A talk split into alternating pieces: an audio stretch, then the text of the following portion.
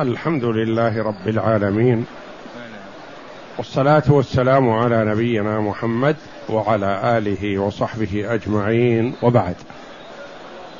نظرا لنهاية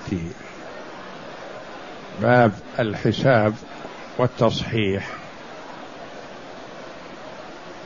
أحببت أن أؤكد على طريقة العمل لأن المسائل الفرضية من أولها إلى آخرها تحتاج حاجة ماسة ضرورية إلى باب الحساب والتصحيح. أينما كنت في الفروض في المناسخات في قسمة التركات في الغرقى والهدمة في أحكام المولود والحمل وما إلى ذلك من المسائل. كلها تحتاج إلى باب الحساب وإلى التأصيل والتصحيح وضرورة الاختصار وإعمال المماثلة والمداخلة والموافقة. إذا تيسر ذلك ولا تعمل المباينة إلا في حال المباينة والضرورة إليها لأن فيها تطويل للمسائل وتطويل للحساب. وكلما طال الحساب فهو عرضة للغلط والزيادة والنقص. معي الآن أربع مسائل أمثلة مثال للمماثلة ومثال للمداخلة. ومثال للموافقة ومثال للمباينة. ولن أبين أيها التي فيها الموافقة من التي فيها المداخلة إلى آخره. وإنما أعطي أصل المسألة يعني الفروض أعطي المسألة ببيان الورثة وأعطي في النهاية مصحها. المسألة ومصحها دون التعرض إلى جزء السهم لأن هذا هو المحك. كيف تستخرج جزء السهم لهذه المسألة؟ فأنت تستخرجه باجتهادك وعملك إن طابق أصل المسألة الذي ذكرته فهي صحيحة وإن لم يطابق فارجع إلى نفسك. فأقول اكتب. دون كتابة أصل المسألة مصح المسألة أنا أحب أن لا تكتبوه لكن من كان عجل وسريع بالكتابة يكتبه ومن لا فلا. هالك عن أربع زوجات وأربعة أعمام. بس اكتبها بالسطر هكذا لا تجدولها فيما بعد تجدولها إن شاء الله. في سطر واحد. هلك هالك عن أربع زوجات وأربعة أعمام. مسألة ثانية. هالك عن أخوين لأم وثمانية إخوة لأب. مسألة ثالثة. هالك عن أربع زوجات وأخت شقيقة واثنتا عشرة أخت لأب. واثنتي لأن قلنا هالك عن كذا. ولو قلت مثلا بدون هالك عن كذا تقول أربع زوجات وكذا تقول اثنتا عشرة أخت لأب. لكن إذا قلت هالك هالك عن أربع زوجات وأخت شقيقة واثنتي عشرة أخت لأب وعشرة أعمام. مثال رابع مسألة هالك عن خمس بنات. وثلاث جدات وأربع زوجات وسبعة أعمام. مصح المسألة الأولى ستة عشر. ومصح المسألة الثانية اثنا عشر. ومصح المسألة الثالثة سبعمائة وعشرون. وما صح المسألة الرابعة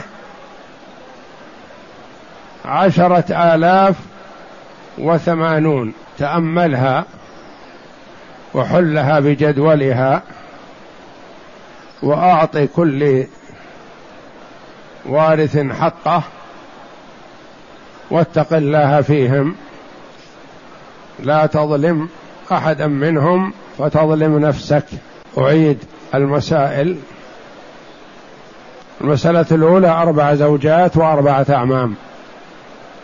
والمسألة الثانية اخوان لأم وثمانية إخوة لأب. المسألة الثالثة أربع زوجات وأخت شقيقة واثنتا عشرة أخت لأب وعشرة أعمام. المسألة الرابعة أربع زوجات وخمس بنات وثلاث جدات وسبعة أعمام. وطريقة العمل تقسم على الورثة. ثم تنظر بين سهام كل وارث وعدد رؤوسهم. إذا انقسمت السهام على الرؤوس فلا تحتاج إلى تصحيح. وإن لم تنقسم فلا تخلو من أمرين.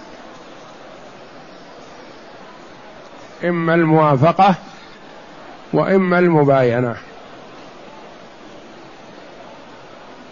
ففي الموافقة تأخذ وفق الرؤوس وفي المباينة تثبت كامل الرؤوس. هذا النظر الأول بين السهام والرؤوس. رؤوس كل فريق وسهامه. النظر الثاني بين المثبتات عن الرؤوس. ما تقول النظر الثاني بين الرؤوس؟ لأن قد تكون الرؤوس اثنى عشر والمثبت أربعة. قد تكون وإنما تنظر بالمثبتات.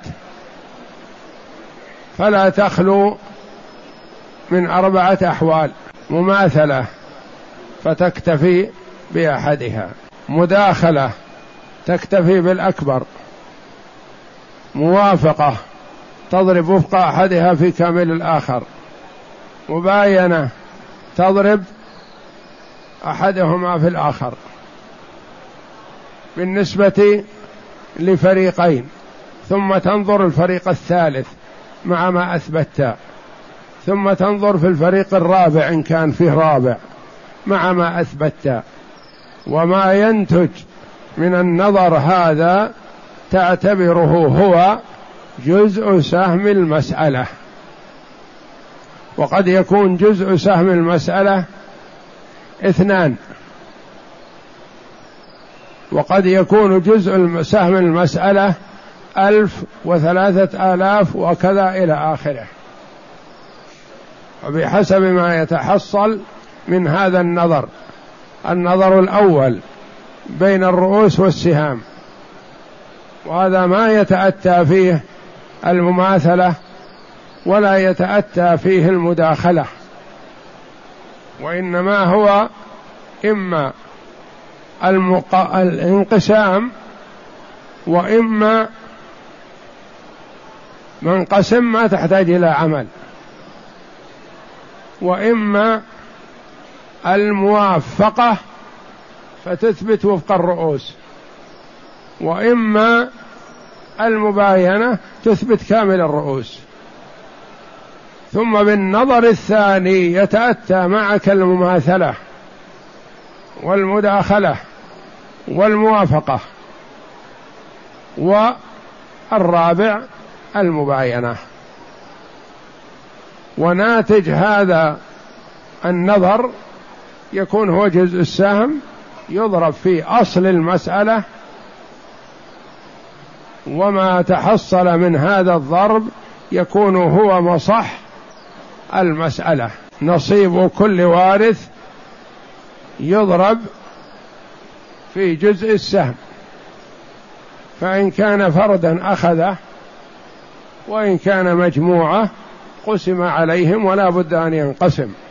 فإن لم ينقسم عليهم فارجع إلى نفسك واعلم أن عملك خطأ. فحاول تصحيحه مرة ثانية. ويحسن كتابة مثل هذه المسائل وخاصة المسائل الطويلة أن تكتبها بقلم الرصاص بقلم المرسمة حتى إذا حصل خطأ تمسحه. ولا تكتب بقلم الحبر الذي لا يمسح حتى ترى أنها صحت وتطابقت فإذا نقلتها إلى الدفتر الذي يستمر معك ويكون مرجعا لك فحسن. والأسبوع القادم إن شاء الله في حل هذه المسائل الأربع بعد الاطلاع على حلكم لها.